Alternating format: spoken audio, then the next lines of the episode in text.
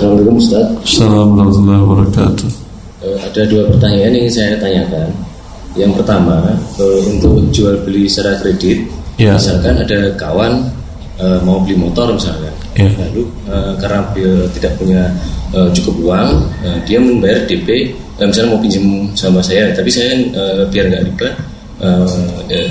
jadi dia membayar DP ke saya sejumlah uang, nah terus saya belikan, saya tambahin uang itu tadi, saya belikan motor. Nah, jadi motor saya beli Oh, sebentar, sebentar.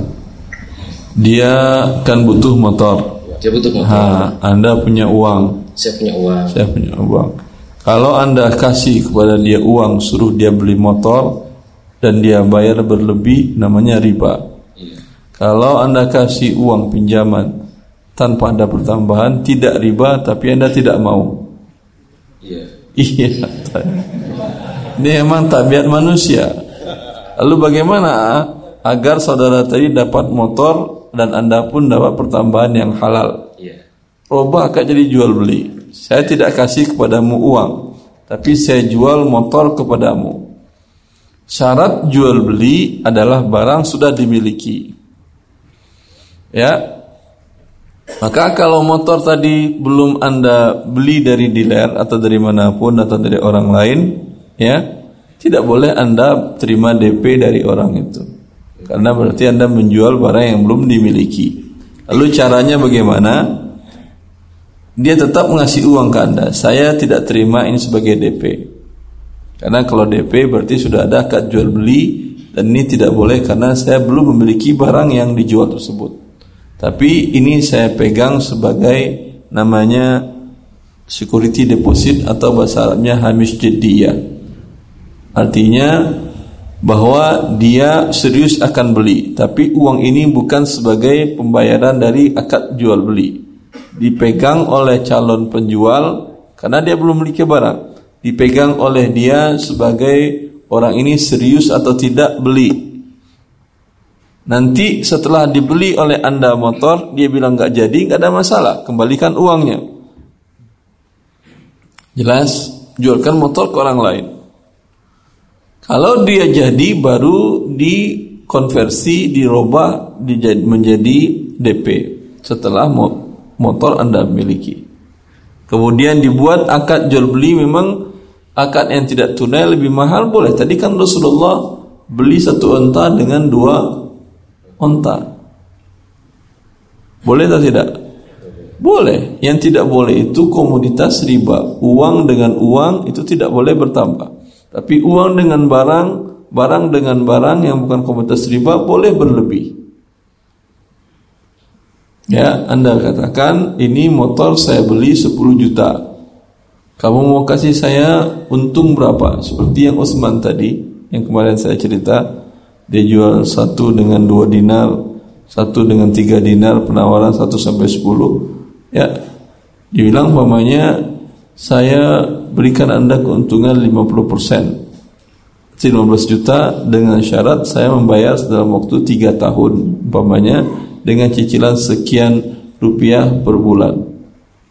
Boleh. Untung anda 5 juta sudah. Tapi tidak boleh ada persyaratan denda keterlambatan. Hanya bagaimana cara anda untuk mengamankan hak anda? Ternyata nanti dia wan prestasi Ustaz ya caranya adalah balik namanya nanti. Dia si pembeli tadi khawatir juga nanti kamu yang pergi saya juga pusing kamu menghilang nanti. Hah? ya atau tidak?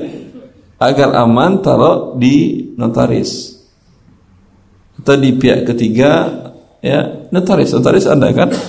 Ya udah taruh ke notaris. Ketika nanti umpamanya selesai balik nama ke si pembeli. Anda aman dia aman. Kemudian anda dapat pertambahan uang dia dapat motor dengan cara yang halal. Misalkan misalkan apa namanya eh, biar tidak susah di kemudian hari itu eh, BPKB kan di atas sama tangan beliau gitu kan. Kalau atas nama dia nggak bayar lagi dia mau ngapain dah? BPKB-nya gitu. Hah? BPKB kan tetap PPKB-nya anda pegang. Motornya dijual di bawah tangan. Ada guna PKB tadi? Tapi misalkan misalkan itu kita percaya sama dia. Kalau percaya nggak ada masalah, tanpa surat menyurat pun nggak ada masalah, tanpa barang jaminan pun nggak ada masalah. Satu aja mas, mas, satu aja mas, boleh ya? Ya, ya. Bismillahirrahmanirrahim Ustaz mau nanya eh, Bagaimana tentang lomba yang duluan bayar Ustaz Misalnya mau ikut lomba kita bayar dulu gitu Lomba kita bayar Iya. dulu. Iya. Ini lombanya lomba apa? Iya Pokoknya yang enggak lombanya kayak olahraga gitu misalnya Olahraganya apa? Sepak bola misalnya. Ya semisal gitu Eh, Misal. di buku Harta Haram saya rincikan ini saya nukil dari buku Syekhana dosen saya Profesor Dr. Syahad bin Nasir Asyastri beliau punya buku bagus Ahkamul Musabaqat fil Fikih Islami.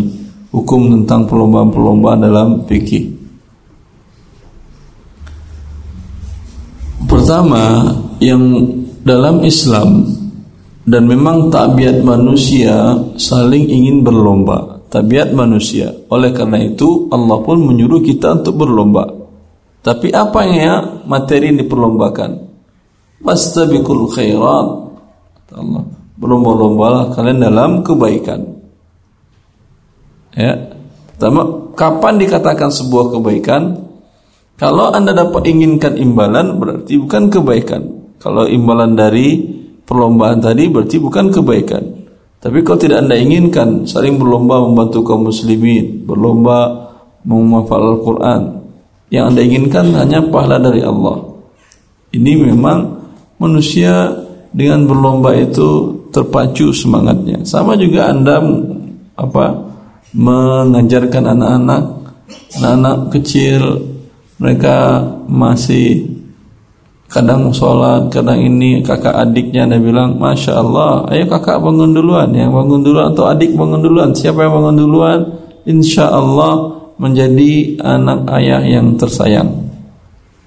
Nah, mereka saling berlomba dan jangan anda berikan sesuatu yang bohong. Insya Allah ayah kasih durian. Tidak musim durian, durian mana yang mana kasih? Pancake Ustaz itu pancake bukan durian. Anda kasih ayah kasih pancake. Boleh. Baik. Kemudian materi yang diperlombakan kebaikan. Dan pun olahraga tidak semua olahraga dibolehkan untuk diperlombakan walau tanpa ada uang keikut peserta. Ini penting karena sebentar lagi biasanya musim perlombaan di hari kemerdekaan ya tahun yang lalu atau dua tahun yang lalu viral YouTube anak tentang lomba makan kerupuk? Taib. Jadi, saya tulis dalam mahkamah musabaqah tersebut karena Rasulullah pada dasarnya tidak boleh perlombaan tadi dapat hadiah walau tanpa ada ikut membayar walau ikutnya tanpa bayar Kata Rasulullah SAW, La sabaqa illa fi khuffin aw hafirin aw nasrin. Pada dasarnya kalau perlombaan tadi masing-masing membayar nanti yang keluar jadi pemenang mengambil uang peserta yang lain yang tidak memenangkan maka ini murni judi hukumnya haram untuk perlombaan apa pun saja walaupun perlombaan tilawah Quran atau tahfiz Quran. Kalau untuk ikutnya berbayar ya dan yang menang dapat dari hadiah dari sponsor dan dari uang apa namanya tadi? Uang pendaftaran maka ini namanya judi. Walaupun perlombaannya tahfiz Quran. Ya. Kemudian kalau uangnya dari pihak ketiga boleh untuk tiga perlombaan saja. La sabaqa kata Rasulullah tidak boleh mendapatkan hadiah dalam perlombaan kecuali perlombaan khuf atau hafir, pacu kuda, pacu unta dan memanah. Karena ketiga ketangkasan keterampilan ini dibutuhkan dalam berjihad fi sabilillah. Maka selain tiga ini tidak boleh. Apakah bisa dikiaskan dengan tiga ini sesuatu yang berguna dan bermanfaat? Maka berbeda para ulama madhab. Sebagian ulama madhab dan ini madhab syafi'iyah kemudian diperkuat oleh banyak para ulama muasirin kalau materi ini perlombakannya bermanfaat sama dengan tadi seperti sebagaimana Islam disebarkan dengan uh, keterampilan dua tadi dan tiga tadi Islam juga disebarkan dengan ilmu pengetahuan dan hujah. Maka lomba umpamanya hafal, hafal Quran lomba hafal hadis memahami Quran memahami hadis atau lomba karya ilmiah yang berguna untuk kehidupan manusia ini dibolehkan mendapat hadiah dari pihak ketiga dengan syarat mereka tidak ikut uang tidak membayar uang ke pendaftaran. Jelas? Yang semakna dengan itu boleh. Yang tidak semakna dengan itu seperti bola main bola biasanya kalau Agustusan apa aja acara lombanya lagi panjat pinang, ha? makan kerupuk, balap karung dan lain-lain. Ini kan tidak berguna untuk perang. Apakah orang perang pakai kerupuk? Orang perang pakai karung? Tapi maka bila tidak berguna, hukum asalnya terlarang mendapatkan hadiah. Mau berlomba main tanpa hadiah silakan. Baik hadiah tanpa uang pendaftaran ataupun pakai apalagi kalau uang pendaftaran. Jelas judi tanpa uang pendaftaran pun tidak boleh. Umpamanya panitia atau sponsor memberikan yang menang balap karung saya kasih umpamanya sekarung emas, ya tidak boleh haram karena Rasulullah melarang itu. Main bola juga bagian dari itu. Apa hikmahnya Islam melarang? Bila sesuatu larangan dari agama Allah, larangan dari Allah dan Rasulnya, pasti itu kebaikan manusia. Bila dilanggar maka rusak kehidupan ini. Uh, Ibn Qayyim al-Jaziyah dalam bukunya Al-Furusiyah tentang ketangkasan berkuda beliau menjelaskan hikmah dari larangan tersebut. Bila untuk perlombaan yang mubah, ini kan perlombaannya asalnya mubah, main bola nggak ada masalah dalam Islam. Untuk perlombaan yang mubah Bila diberikan hadiah Maka rusak kehidupan ini Karena orang melakukan suatu hobi Menjadi mata pencarian hidup.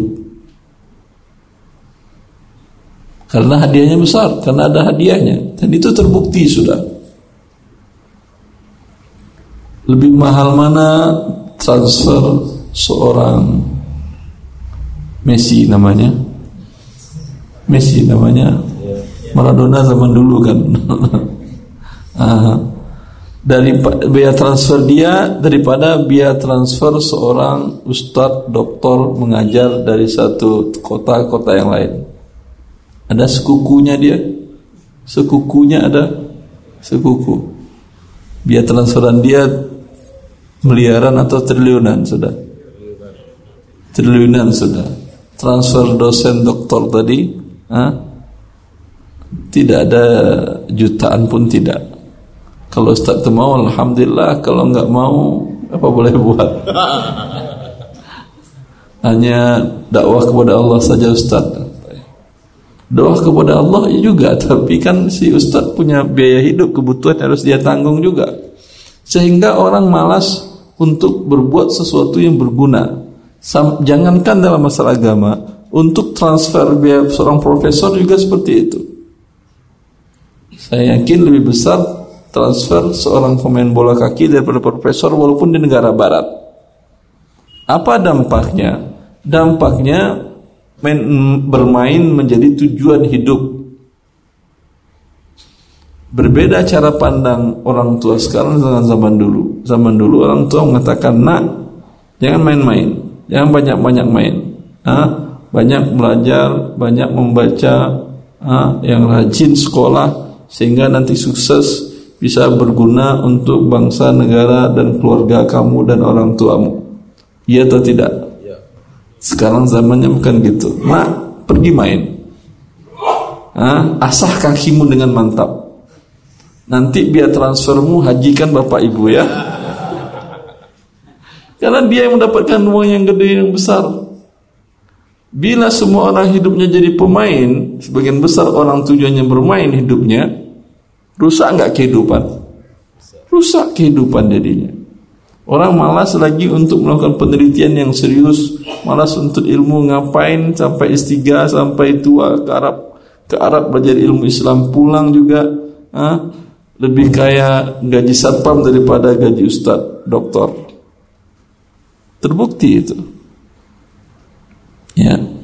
Tapi Allah menjaga agamanya. Walaupun kondisi itu kenyataan di kehidupan sekarang.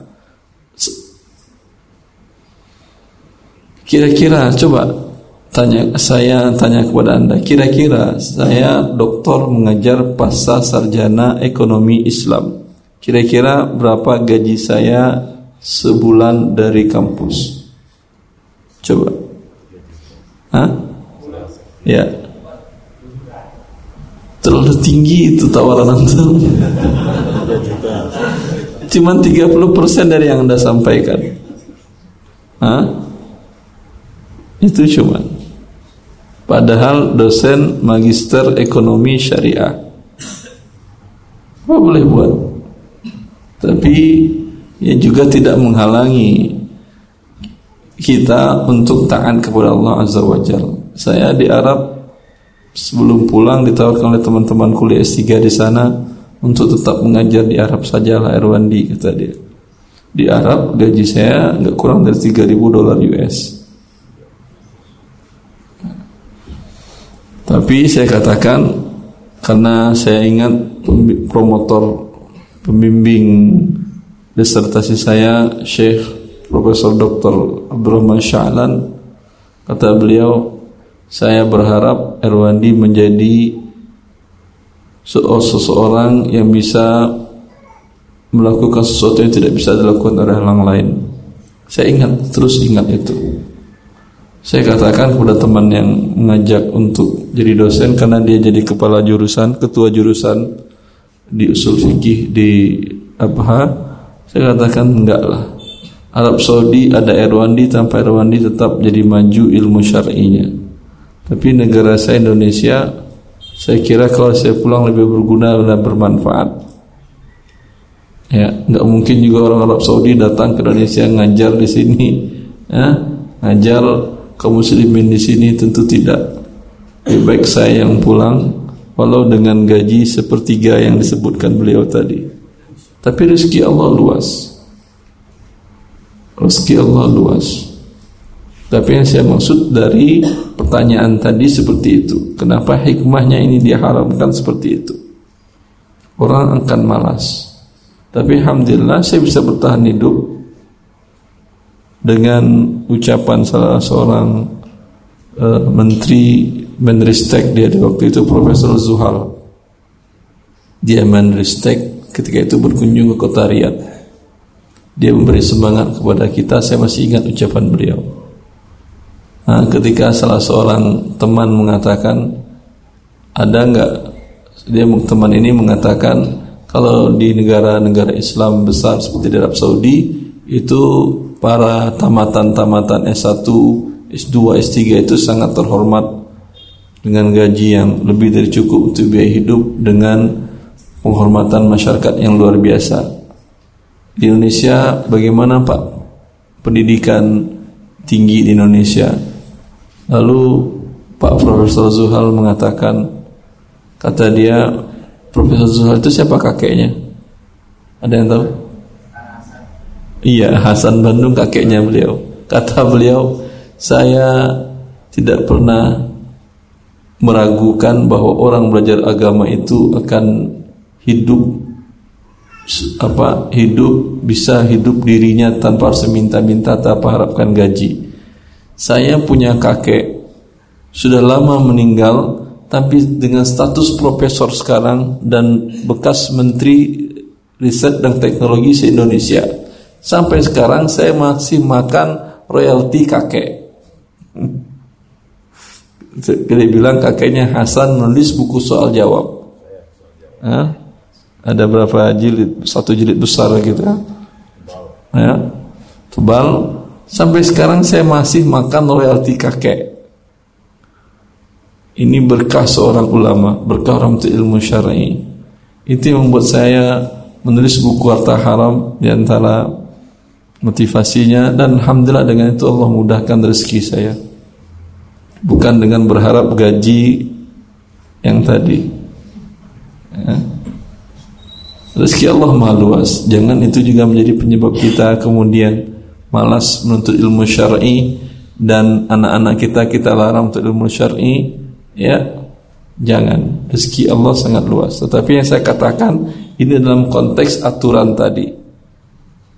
Ya, berbeda dengan kasus individu ke individu dengan sistem sebuah aturan. Kalau sistem tentulah aturan sebaiknya seperti di negara yang maju di dunia ini adalah negara yang menghargai para guru dan dosen dan para pendidik.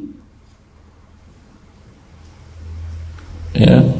Bila bagaimana cara menghargai mereka selain penghormatan dan segala macam dan pahala itu iya, tapi penghormatan dalam bentuk reward gaji itu juga menentukan menunjang. Kalau umpamanya gaji imam masjid setiap masjid di Indonesia ya gaji imamnya 15 juta dengan syarat hafal minimal 5 juz. Saya yakin semua Anda hafal Quran. ya atau tidak? Kan enak. Ya, bisa kerja yang lain di Arab Saudi begitu. Gaji imam masjid yang tamat S1 itu 5000 real, dia bisa kerja apa pun juga yang penting imam lima waktu. Hah? Sehingga semangat orang menjadi ilmu syar'i. Dia mau berdagang, mau apa pun silakan.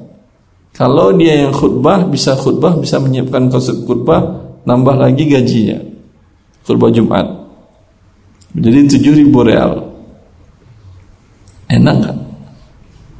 Itu memacu semangat orang untuk belajar. Maka beda cerita anak-anak Indonesia dengan anak-anak Arab. Anak Arab kalau anak laki-laki tanya mau apa nak? Jadi syekh, jadi imam. Emang terpandang di masyarakat, terhormat dan hidup terjamin. Kalau anak Indonesia paling apa cita-citanya kalau anda tanyain? Artis, karena menurut dia itu yang paling kaya.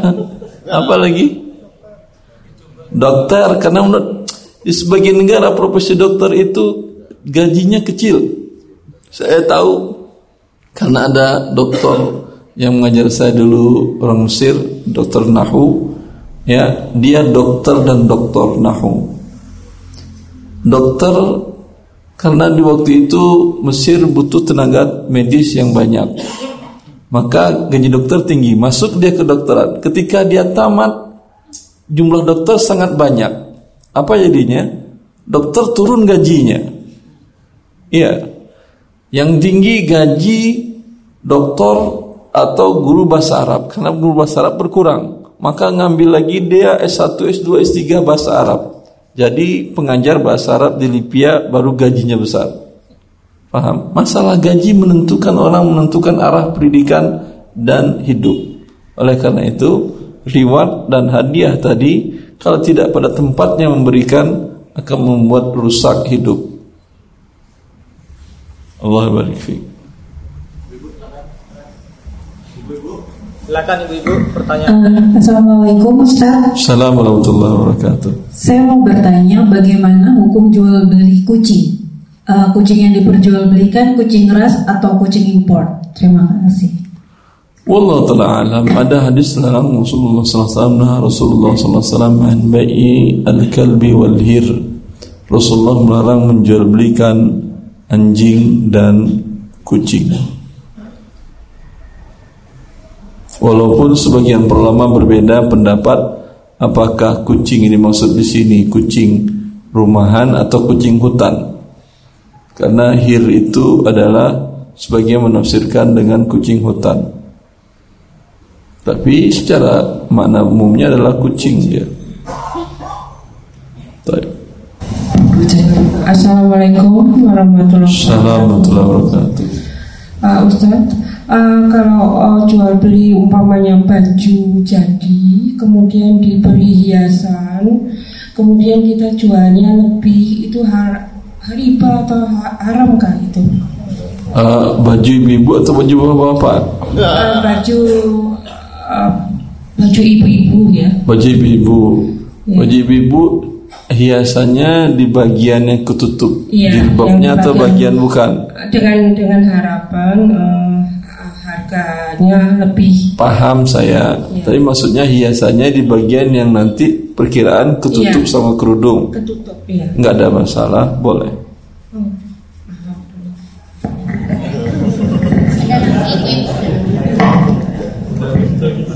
Ya, Bismillahirrahmanirrahim. Assalamualaikum warahmatullahi wabarakatuh, Ustaz. salam. Eh, begini, misalkan kita kerja di pemerintahan dan gajinya mer- kita itu eh, sama bagian pemerintahan harus ke bank konvensional, Ustaz, gitu. Berarti harus buka rekening di bank konvensional. Kita yang buka atau pember- atau Eh, kantor buka? diharuskan, diharuskan, Ustaz. Kita yang buka atau kantor yang bukain? Kantor yang buka, Ustaz. Ya udah, biar dia kena dosa, kita dapat gaji. Karena yang berdosa itu membuka rekening di bank riba kan ada klausa uh, pasal yang menyatakan si pemegang rekening mendapatkan bunga. Kalau bukan kita yang tanda tangani, kita gak kena dosa. Tetapi ketika ada bunga ribanya tadi, berikan kepada fakir miskin. Eh, satu lagi Ustadz, misalkan kita sudah dulu kan kita tidak tahu eh, tanda tangan aja. Sekarang sudah tahu kalau riba misalkan kita ke bank bunganya dihapus tapi ada pajak dan administrasi itu masih boleh nggak Ustadz di bank konven? Masalahnya bila rekening masih di bank konven itu membantu mereka membesarkan bunga, membesarkan usaha ribanya. Itu yang masalah. Karena bank walaupun mereka memiliki modal lebih satu triliun untuk membuka bank umum, bank umum, ya, tetapi tetap dana masyarakat dalam bentuk tabungan dan deposito itu yang lebih besar daripada modal mereka sendiri. Dan mereka paling takut dengan rush. Bila terjadi di mana nasabah menarik uang mereka serentak se Indonesia tutup mereka. Ya ini buktikan maka bila uang kita ada di sana walaupun kita tidak dapat bunga bunga tapi uang kita digunakan untuk dikreditkan berbunga oleh dia. Berarti kita membantu usaha ribanya. Allah taala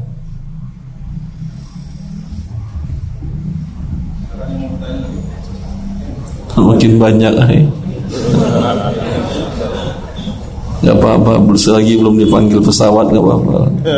Kan kedengaran gak dia manggil dari sini? Ustaz Erwandi, Ustaz Erwandi gitu. Assalamualaikum Ustaz. Assalamualaikum. Saya mau menanyakan masalah jasa konsultasi misalnya Ustaz. Ya. Uh, yang saya pahami selama ini, misalnya contohnya arsitek misalnya.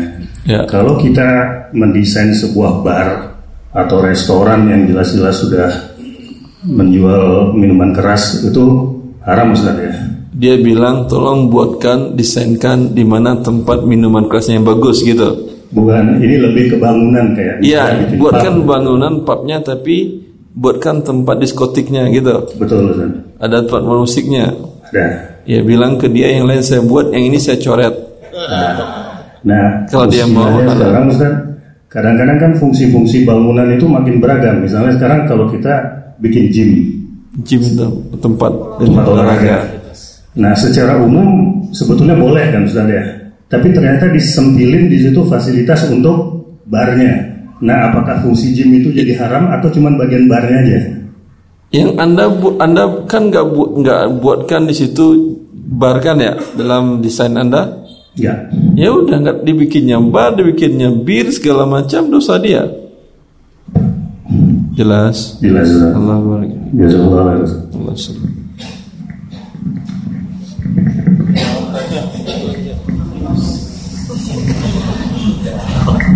Bismillah. Eh, adakah di dunia ini satu negara yang tidak mempraktekkan riba Dok, dalam kehidupan ekonominya Dok?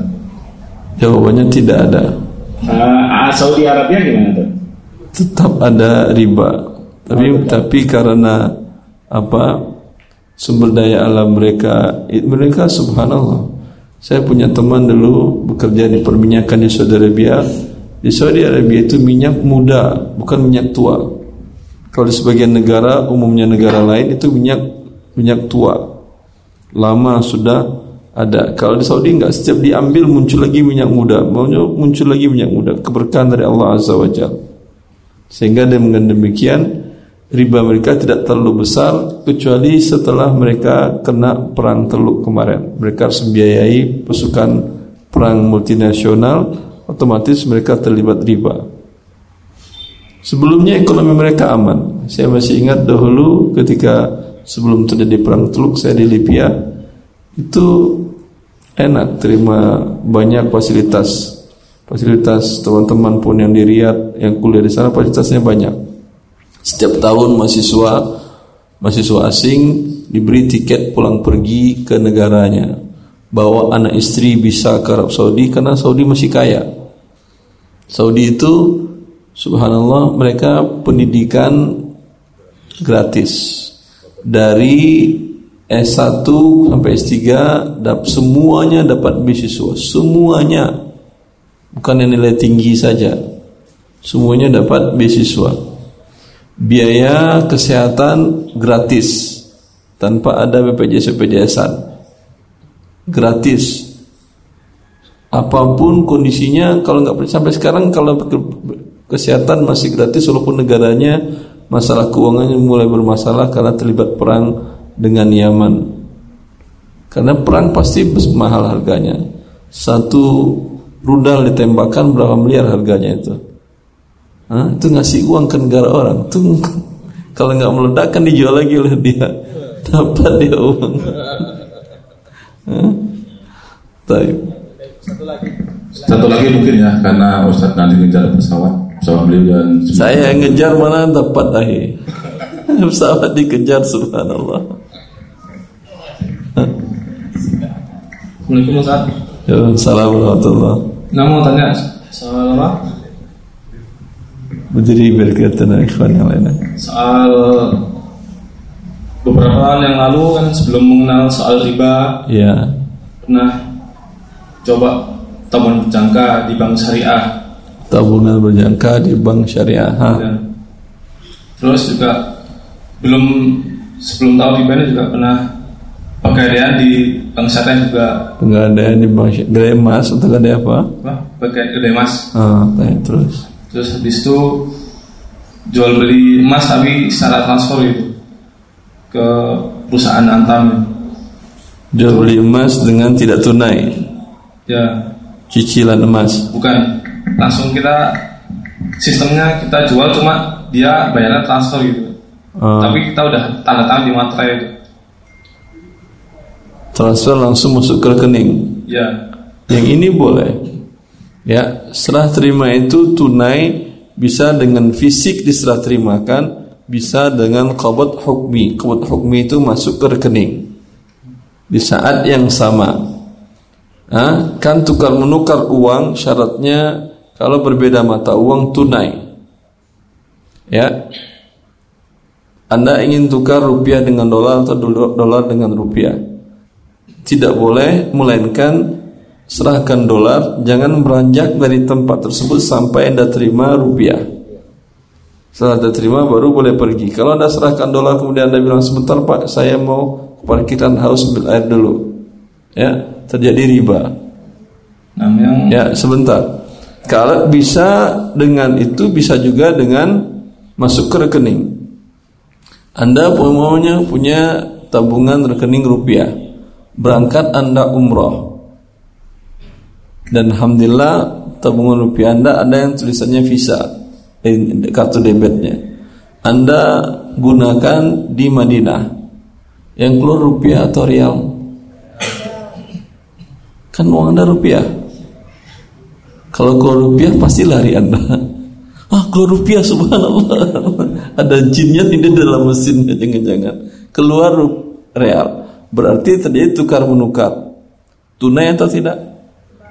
Tunai. Anda cek rekening Anda di waktu yang sama akan berkurang sebesar ah, nominal yang Anda transferkan dengan kurs yang disepakati oleh pihak bank tadi. Tunai namanya ini. Tapi itu ada jangkanya beberapa hari, sehari setelah hari itu itu. Gak mau tadi. Tapi kan ada materainya. Ada. Iya, yang dikeluarkan oleh Antam. Boleh, nggak ada masalah. Nah yang itu kan sebelumnya kan tabungan berjangka di bank syariah. Kan dulu awal-awal hijrah kan kirain tuh di bank syariah kirain udah syariah gitu. Di bank syariah yang boleh Anda ambil tabungan yang tidak ada pertambahan seperti yang saya katakan. Bila ada pertambahan, saya masih ragu dengan sistem akad mereka. Karena mereka mengatakan akad mudoroba. Akad mudoroba itu adalah di mana seseorang menyerahkan dana untuk seseorang pihak kedua untuk mengelolanya. Dalam Islam syaratnya boleh dibagi hasil kalau ada hasil, tapi kalau rugi investor menanggung kerugian. Di bank syariah tidak ada pernyataan nasabah yang menyetorkan uang untuk di mudharabah untuk investasi tidak ada pernyataan kalau rugi investasinya maka uang nasabah berkurang. Ada? ada. Kalau ada lari semua orang. Tapi sebetulnya tidak. Ya, sebetulnya tidak. Maka kalau di bank yang syariah di beberapa negara seperti di Saudi Arabia ada dua jenis tabungan. Tabungan pertama tabungan giro yang ingin Anda ambil kapan Anda butuh uang. Ini bentuk akadnya kok tidak akan mendapat pertambahan di bank itu walaupun Anda letakkan dana Anda bisa 100 ribu real atau sekitar 300 juta rupiah tidak akan ada pertambahan kalau anda ingin ada pertambahan ada rekeningnya rekening investasi mereka buka ketika ada investasi real mereka. Jadi setelah selesai investasi 6 bulan maka baru diserahkan uang kepada anda. Bisa bertambah bisa juga kurang uang anda. Tergantung investasinya jenisnya. Dan biasanya pertambahannya besar bukan sekedar pertambahan 5% atau 6% bisa jadi pertambahannya 200% dari modal yang Anda store dalam waktu 6 bulan dengan risiko bisa jadi juga jadi berkurang uang Anda bila terjadi kerugian dari investasi itu. Dan itu tidak ada di Bank Syariah Indonesia. Makanya kalau ingin memanfaatkannya ambil yang itu. Bila sudah terjadi Allah Ta'ala saya masih menganggap itu riba. Kalau itu riba jadi kan saya belum tahu riba ya. itu cara nyucikan gimana? Apa tutup rekeningnya pindahkan ke rekening yang tidak ada pertambahan. Itu apa? Kan udah cair itu tabungan berjangka kan. Ya keluar, tutup makanya. Ya. udah sudah udah selesai. Udah udah ada pertambahan uangnya bagi hasilnya ada. Udah udah beberapa tahun yang lalu udah dipakai juga. Untuk siapa? Untuk saya. Ya, haram lah itu riba eh. Kecuali anda fakir miskin. Fakir miskin anda? Bukan. Ah kalau bukan fakir miskin sekarang ingat lihat lagi berapa nominalnya berikan kepada fakir miskin bukan sebagai sedekah tapi melepas diri dari yang haram. Cukup? Ya Allah barik fikum. Insyaallah semoga Allah mudahkan pertemuan di lain waktu. Dan lebih dari itu semoga Allah pertemukan kita di surganya Innal muttaqina fi jannati wa nahar fi maq'adi sidqin inda malikin muqtadir. Kata Allah, sungguhnya orang-orang bertakwa itu berada dalam surga Allah yang mengalir di bawahnya sungai-sungai dan kemudian mereka di posisi mereka berkumpul dekat sisi Allah Azza wa Jal penguasa raja di raja yang sangat berkuasa. Ini adalah perkumpulan yang paling diharapkan setiap makhluknya. Karena puncak kebahagiaan hidup di dunia dan di akhirat adalah dengan melihat wajah Allah azza wajalla semoga bermanfaat. Wallahu li taufiq. Subhanakallah bihamdika asyhadu an la ilaha Assalamualaikum warahmatullahi wabarakatuh